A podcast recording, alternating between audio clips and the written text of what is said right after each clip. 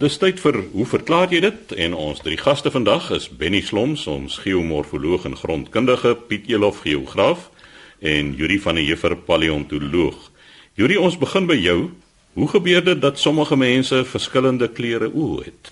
Chris, 'n vraag van Lona Bruwer van Germiston gaan juis daaroor. Sy wil graag weet hoe werk dit of hoe gebeur dit dat sekere mense oë het van verskillende kleure?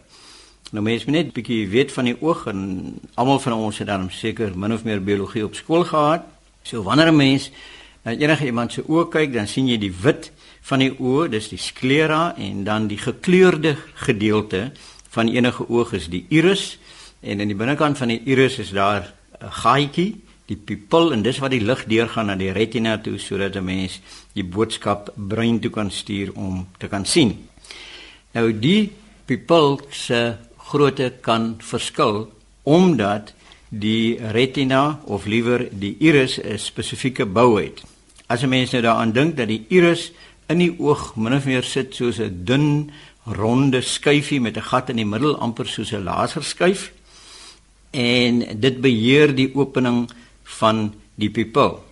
Nou die iris bestaan min of meer uit twee lae. Aan die voorkant is die laag wat bekend staan as die stroma en dis 'n klomp ineengevlegte vesels wat aan spiere verbind is. En die vesels is so gerangskik konsentries en radiaal. Konsentries is al in die ronde om en die radiale vesels is gerangskik min of meer soos die speke in 'n fietswiel. Dis verbind aan twee stelle spiertjies, die sogenaamde sphincter pupillae en die dilator pupillae. Nou wanneer die sphincter pupillae saamtrek, dan trek die oog toe, dan vernou die grootte van die pupil, dit laat minder lig deur en as die dilator pupillae saamtrek, dan verslap die iris, die pupil word groter en meer lig gaan toe en in die tekste word dit beskryf of vergelyk met hierdie Romeinse gordyne wat ons dikwels in die huise het waar jy die toutjies trek en dan vou die gordyn so op homself op en dit is nou min of meer hoe dit werk. So dit sit in die stroma aan die voorkant van hierdie dun ronde skyfie wat die iris is. Aan die agterkant van die iris is daar twee lae epiteelselle. En hierdie epiteelselle is gevul met baie pigment. Dit staan ook bekend as die pigmentepiteel van die iris. En die oogkleur is die kleur van die iris. Dit kan groen wees, dit kan blou wees of dit kan bruin wees of Daar is 'n ander opsie, die sogenaamde neutbruin kleur wat 'n kombinasie is van ligbruin, groen en goud. Die pigment wat in die iris sit, dit verhoed dat die lig deur die iris trek, maar net deur die pupil gaan. So wanneer ons dus Lona praat van oogkleur, sê die wetenskaplikes vir ons dit is 'n poligenetiese fenotipiese eienskap. Polygeneties beteken dit staan nie onder beheer van 'n enkele geen nie en dis daar's nou al uitgevind dat oogkleur beïnvloed word deur tot soveel as 15 verskillende gene. En die feit dat dit 'n fenotipiese eienskap is, beteken dit is iets aan die liggaam wat ons kan sien, want elke mens se liggaam is sy fenotipe. En as 'n mens dan oë besit wat verskil van kleur, dan praat 'n mens van heterochromia, meerkleurig en dit word beskryf as uh, heterochromia iridis of heterochromia iridum. Wanneer die irisse verskil ten opsigte van kleur, praat mense van totale heterochromie. As daar gedeeltelike heterochromie teenwoordig is, dan is daar kleurverskille net in een iris. Die gevolg van 'n uh, oorvloed of 'n gebrek aan pigment in die iris veroorsaak hierdie kleurverskille en dit kan oorgeerf word. Dit kan gebeur as gevolg van 'n siekte toestand of van trauma, 'n uh, besering byvoorbeeld. Nou wanneer dit geneties is, is daar een baie goeie voorbeeld, die van die ou Hollywood akteur Lee Van Cleef. Hy het by geleentheid in die Clint Eastwood cowboy prente opgetree. Hy was gewoonlik dink ek een van die uh, minder goeie kerels daar en hy's gebore met een blou en een groen oog en dit was algemeen in sy familie. So dit lyk of daar sterk bewyse is dat dit kan geneties wees. Die regisseurs van die films waarna hy opgetree het, het nie gevoel dat die gehore van daai tyd, ek vermoed dit was hier in die 60er jare van die vorige eeu toe hierdie sogenaamde spaghetti westerns gemaak is die Clint Eastwood uh, rolprente for a few dollars more in daai soort van goed en ek vermoed dis of met Italiaanse geld gemaak of gedeeltelik in Italië geskied het hulle gepraat het van hierdie spaghetti cowboy prente. En die regisseurs het konstant vir Lee van Cleef bruin kontaklense laat dra in sy films. 'n Ander bekende is David Bowie, die Britse sanger. Sy oogkleur verskil ook, maar dit is as gevolg van trauma. Hy is beseer op een of ander manier en dit het die kleur geaffekteer in sy oë. Mens kan ook verskillende kleure in jou oë as gevolg van iets met die naam van Horner se sindroom. Dit is waar mense baie slap ooglede het en waar die pupil baie sterk saamgetrek is of 'n ander toestand wat 'n oogkundige in Holland ontdek het en dit is vernoem na hom. Een van die name is Waardenburg se sindroom en dan is die verskillende oogkleure weer dikwels gekoppel aan die feit dat die persoon ook aan doofheid ly. Daar bestaan 'n hipotese wat hierdie verskillende kleure kan verstaan. Dis nog nie 'n teorie nie, maar sekere wetenskaplikes dink dat wanneer 'n baba nog in die baarmoeder is en 'n spesifieke virusinfeksie kry wat kan veroorsaak dat daar 'n mutasie plaasvind wat met die vorming van die oë te doen het, dan kan jy so 'n mutasie kry wat een van die oë affekteer en die kleur sal dan verskil. Ongelukkig is daar ook medikasie wat dit kan veroorsaak. In werveldierliggame is daar stowwe wat bekend staan as die prostaglandine. Dit is 'n stof wat vervaardig word uit vetsure en dit reguleer die samentrekking in die liggaam en ook die verslapping van uh, gladde spiervesels soos byvoorbeeld in die oog en in die uterus. Nou die mediese wetenskap het nou vorendag gekom met sintetiese prostaglandien. En dit kan 'n nuwe effek hê dat dit mense se oogkleur affekteer en dan eindig jy met oë wat verskillende kleure het. En dan laastens kan 'n mens nadat jy uh, trauma ervaar het en 'n ongeluk gewees het, kan daar bloed neergelê word in die iris wat dan ook die kleur kan beïnvloed.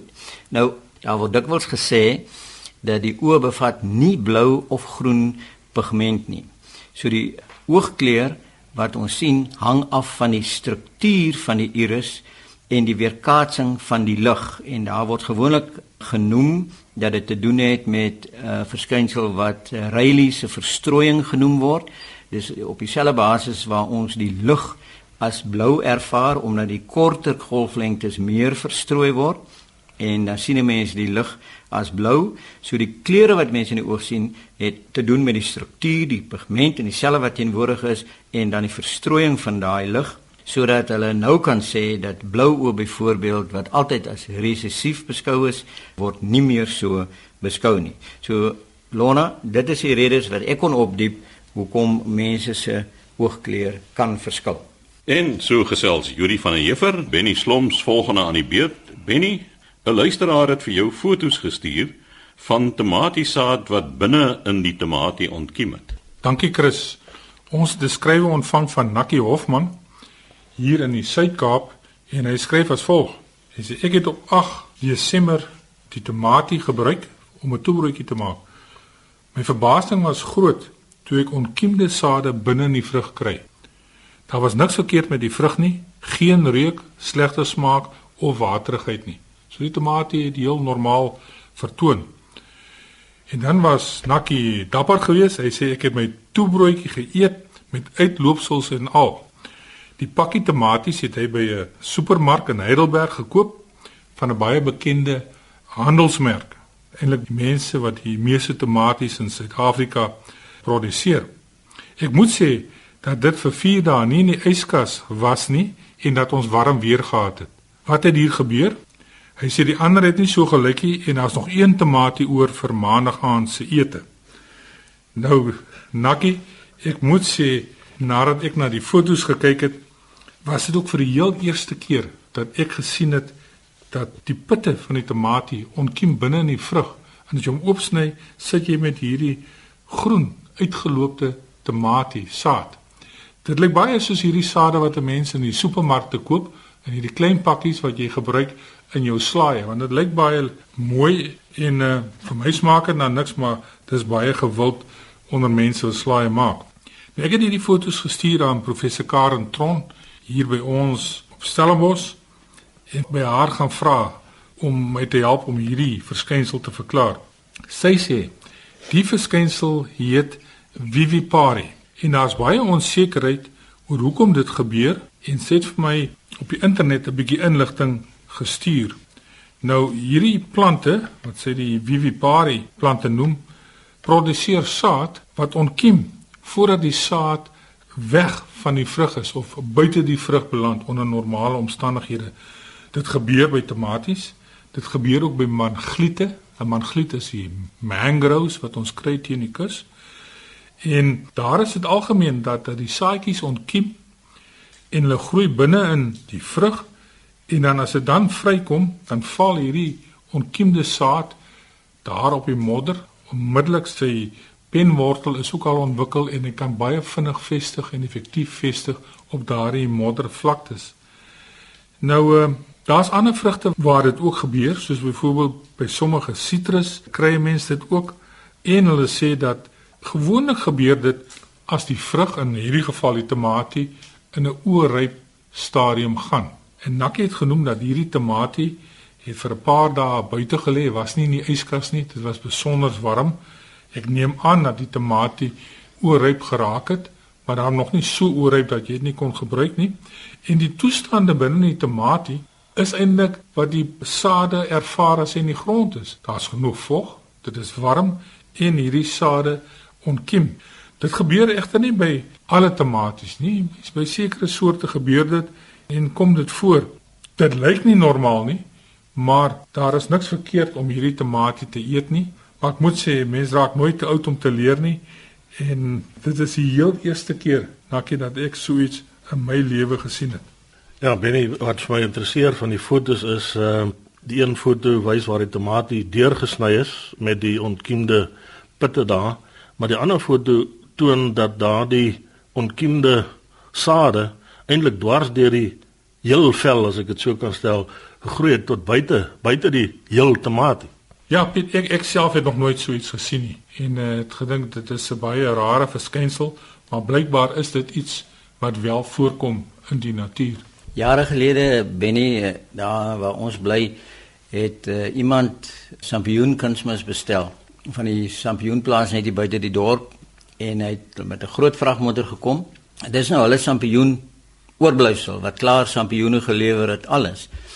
En daar was natuurlik duidelik nog saad binne in die goed. Hulle het die hele tuin oordek met 'n dik laag van hierdie kompos. Dit was vir 'n paar dae baie mistig geweest, vogtig maar warm. En binne 'n dag of twee het daai sampioene begin ontkiem teen alle verwagting in. So sy hele tuin het vol van hierdie reuse sampioene gestaan en hulle eet nie sampioene nie of hulle het nie sampioene geëet nie. En ons het elke middagete met 'n inkopiesak opgestap en 'n sak vol sampioene gaan gaan sny en vir 'n paar dae lank heerlik sampioene geëet, maar dit was die omgewing was net reg geweest vir daai goed om te blom. Benny wat ek interessant vind, ek het altyd gedog soos byvoorbeeld met pompoensaad en waterlemoensaad en sodat jy die saad eers moet laat droog word en dat jy hom dan plant, dieselfde met tomatie, maar in hierdie geval is ek nou heeltemal verkeerd bewys. Ja, dit was 'n spontane ontkieming van die sade nog binne in die vrug. Maar soos jy dit reg gesê het, Yuri, die omstandighede waar die sade hom bevind het, was die ideale omstandighede wat hy nodig het om te kan ontkiem. Wat interessant is, Yuri, daardie buurman van jou wat daardie kompos daar gestrooi het en in die sampioene het opgekom. Herhaal daardie sampioene om nog steeds jaar na jaar want daar was nog baie spore wat ook vrykom. Dit was net daai een keer gewees. So ek vermoed wat hy daarna gedoen het is die kompos is in die grond ingewerk en dit was warmer geweest en droër en die daai sade het net nooit weer ontkiem nie. So ek dink dit was daai spesifieke aantal dae wat dit baie mistig en vogtig gewees het en warm. Nou ja, dit dan wat die tomatiesaad betref, nou van eet aan ons na oefening en Piet Elof gaan vir ons verduidelik hoekom hardloopbaanatlete antikloks gewys om die baan. Chris Johan Maree van Parow in die Weskaap het hier 'n interessante opmerking gemaak en 'n uh, briefie geskryf vir ons. Hy sê die aarde roteer antikloks gewys. Dis van wes na oos om sy eie as en so ook om die maan. Alle baan atletieknommers word antikloks gewys beslis. Is dit maar toeval dat die atletiek so plaasvind en sou dit 'n beduidende verskil in tye maak indien die atlete kloksgewys sou beweeg, stap of hardloop, veral oor relatiewe lang afstande? Hy sê kan ons daaroor besin. Nou uh Johan, dit is natuurlik so dat uh atletiek wat lede nie altyd antikloks gewys om die baan gehardloop het nie. Die atletiekbane hier in die 19de eeu uitgelê is, het atlete ook kloks gewys om die baan beweeg. So histories is daar in albei rigtings om die bane gehardloop. Die moderne Olimpiese spele in Athene hier in 1896 en Parys 1900 uh, was dit juis uh, sover ek kan vasstel dat die baanatlete kloksgewys gehardloop tydens daardie twee groot Olimpiese spele. Nou na 1906 het uh, meeste lande aanvaar dat hulle antikloksgewys moet beweeg of hardloop om die baan. In 1908 se Olimpiese spele in Londen is dit ook aanvaar dat links is die binnebaan en so is dit ook aanvaar tot vandag toe as ons kyk na die baanatlete. Nou amateur atletiek het natuurlik vir 'n lang tyd die keuse van rigting oopgelaat en so het byvoorbeeld die Oxford Universiteit tot 1948 hulle atlete kloks gewys om die baan laat hardloop in Cambridge Universiteit nog vir 'n langer periode dat hulle ook kloks gewys gehardloop het. Nou die redes vir die antikloks gewyse 'n beweging om die baan. Is daar is 'n klompie verskillende redes wat aangevoer word daar. Atlete beweer dat hulle meer stabiel voel as hulle oorhel. In Engels praat ons van banking. Oorhel, ek wil nie sê oor kantel nie want hy moenie kantel, hy moenie omval nie. As hy oorhel om 'n linker draai, met ander woorde, dis vir hom makliker om die linker draai te vat. Nou interessant. Ek dink by rugby spelers wat die posisie van vleuel vol staan, so vir jou sê regtervleuel word meer verkies as linkervleuel. Dit is makliker om regtervleuel te speel as linkervleuel. Ek dink daar's ook ander faktore wat daar 'n rol sou speel. Nou ander redes wat daarvoor aangevoer word is dat uh, byvoorbeeld mense ek dink dit hou maar verband met met die gewig, as jy die hart is aan die linkerkant van die van die liggaam en uh, dus is die gewig aan daai kant en makliker vir hom seker om die linksdraai te neem as ek dit nou so eenvoudig kan stel. Ander sou weer vir jou sê dat die regterbeen is sterker met ander woorde hy kan die dryf wees agter die persoon en dis makliker om linksom die draai te gaan. Anders sal weer 'n klompie natuurkragte as redes aanvoer uh, te doen hê met sentrifugale krag of sentrifugale reaksie eintlik 'n sentripetale krag dat uh, as jy links omgaan jou regterbeen as die sterker een met ander woorde hy sal daardie sentrifugale reaksie wat jy natuurlik na buite toe skuif om 'n draai ek wil amper sê kan weerstaan omdat dit die sogenaamde sterker been is. Dan is daar natuurlik ook die hele kwessie van Coriolis krag wat mense sou noem van die Coriolis krag nou Coriolis effek het ons ook al in vorige programme van melding gemaak Nou dit is antikloks gewys in die noordelike halfrond en natuurlik dan kloks gewys in die suidelike halfrond vir alles ons te doen het met 'n gekromde isobare. Ek dink nie dat die Coriolis effek uh, noemenswaardige effek het op 'n atletiekbaan nie omdat dit hoofsaaklik effek het vir items wat in 'n noord-suid of 'n suid-noord rigting beweeg. En uh, ons weet self dat atletiekbane dikwels ook uh, die langste pylvakke is van wes na oos of oos na wes. Met ander woorde daar is baie min noord-suid beweging, miskien net op die koppe van die ovaal vormige baan wat dit uh, effek sou hê. Dan natuurlik ook uh, word daar gesê dat mense lees van links na regs. Jy volg makliker die beweging en ek wil amper sê dit is hoekom die baie belangrike persone op die punt van daardie baan sit. Interessante opmerking as jy byvoorbeeld met 'n uh, met 'n verkyker voëls wat in vlug is sou volg, dan is dit vir jou makliker om hom van links na regs te volg, as asof jou oë gemakliker daardie beeld volg, terwyl as jy van regs na links met daardie verkyker kyk, is dit asof dit 'n rukkerige beweging is om hom te volg. Met ander woorde, hier is dit ook iets anatomies miskien wat 'n rol kan speel. So om op te som, ek dink dit blyk dat tydens die spele van 1896 daar blykbaar 'n klomp atlete gekla het oor erge pyn nadat hulle kloksgewys gehardloop het om die baan. En uh, daarom is daar by die internasionale Olimpiese komitee se vergadering in 1930 is daar besluit om die hardlooprigting antikloks gewys te maak en dit is daar vasgelê vanaf 1913. In die spele natuurlik word daar ook dikwels relatiewe lang afstande afgelê op 'n ovaalbaan En nou kan 'n mens sê watter ander kragte daar ook dalk 'n rol mag gespeel het as daai pylvak in 'n oos-wes rigting of 'n wes-oos rigting is aan die een kant as jy dan nou saam met die draaiing van die aarde gaan en so vinniger so hardloop, as jy aan die ander kant terugkom op die ander reguit stuk baan dan moet hy mos nou weer 'n teeneffek hê. So ek dink dit kanselleer mekaar uit. Maar ek dink terwyl van standaardisering, die besluit wat in 1913 geneem is by daardie vergadering van die internasionale olimpiese komitee het dit vasgelê dat uh, baanatlete antikloks gewys sal hardloop op die bane, dat dit gestandaardiseer word wêreldwyd. Dis interessant Piet, ek wonder nou net uh, toe jy genoem het van dat die mens neig om van links na regs te lees en jy kyk van links na regs en watter invloed dit het. Nou sal 'n mens dink dat Arabiere en Jode wat van kleins af leer om van regs na links te lees of hulle dan benadeel word as hulle moet op moderne renbane kompeteer. Hier ek nagelaat om dit te noem, maar ek let ook op dat jy nie veel meer as omtrent twee tale noem wat van regs na links uh, gelees word nie. So uh, ek dink hulle sal as hulle dan nou van kleintyd af dit gedoen het, behoort hulle nie probleme te hê met die links na regs hardloop nie.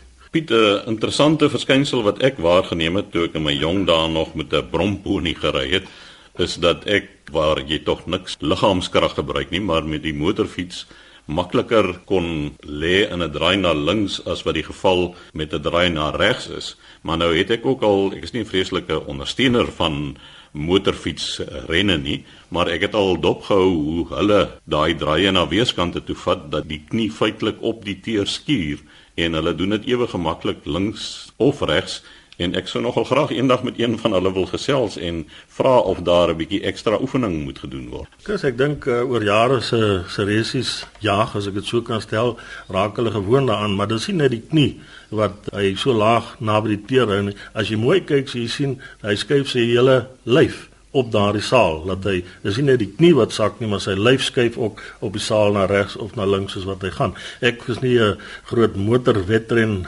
entoesias nie, maar ek uh, verneem soos ek ook maar gelees het van motorrenne elders in die wêreld waar die engine van die voertuig aan die linkerkant gemonteer word dat selfs die bande van die voertuie op verskillende wyse afsluit, maar daai wedrenne is ook gewoonlik antikloks gewys. Die stuur bestuurder sit ook aan die linkerkant wat vir hom dan nou ek wil amper sê sal help met daardie rigting waarna hy ry en die draaie dan behoorlik te kan neem. As jy sê dat wanneer mense atlete hardloop hulle dan beter wegdruk teen die uh, uitswaai krag met hulle regterbene, geld dit vir mense wat regs is. Wat gebeur met iemand wat linkshandig is? Is sy linkerbeen dan nie sterker as die regterbeen nie? Yuri, ek dink dis 'n dis 'n interessante vraag wat jy vra.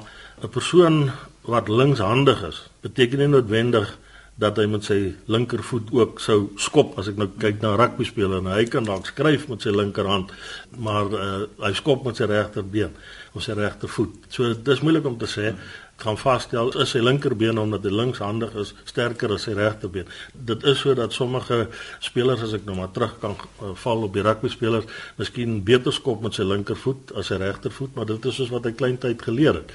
So Ek dink in terme van die atletiek, die meeste van die mense verkies om links die binnebaan te hê. Ek het nou vir uh, Nadal dopgehou as hy tennis speel. Hy's linkshandig en sy linkerarm is besonder ontwikkel. Sy boarm is is baie sterker as sy regterarm. Maar dit is nou as gevolg van oefening, maar ek weet nie of sy bene links of regs bevoordeel word nie. Nou ja, daar het die tyd ons weer ingehaal. Ons sê dankie aan ons drie spanlede, Benny Sloms, geomorfoloog en grondkundige, Piet Jelof, geograaf en Yuri van der Heever, paleontoloog. U kan aan ons skryf by hoe verklaar jy dit? Posbus 2551 Kaapstad 8000 of stuur 'n e-pos aan chris@rsg.co.za.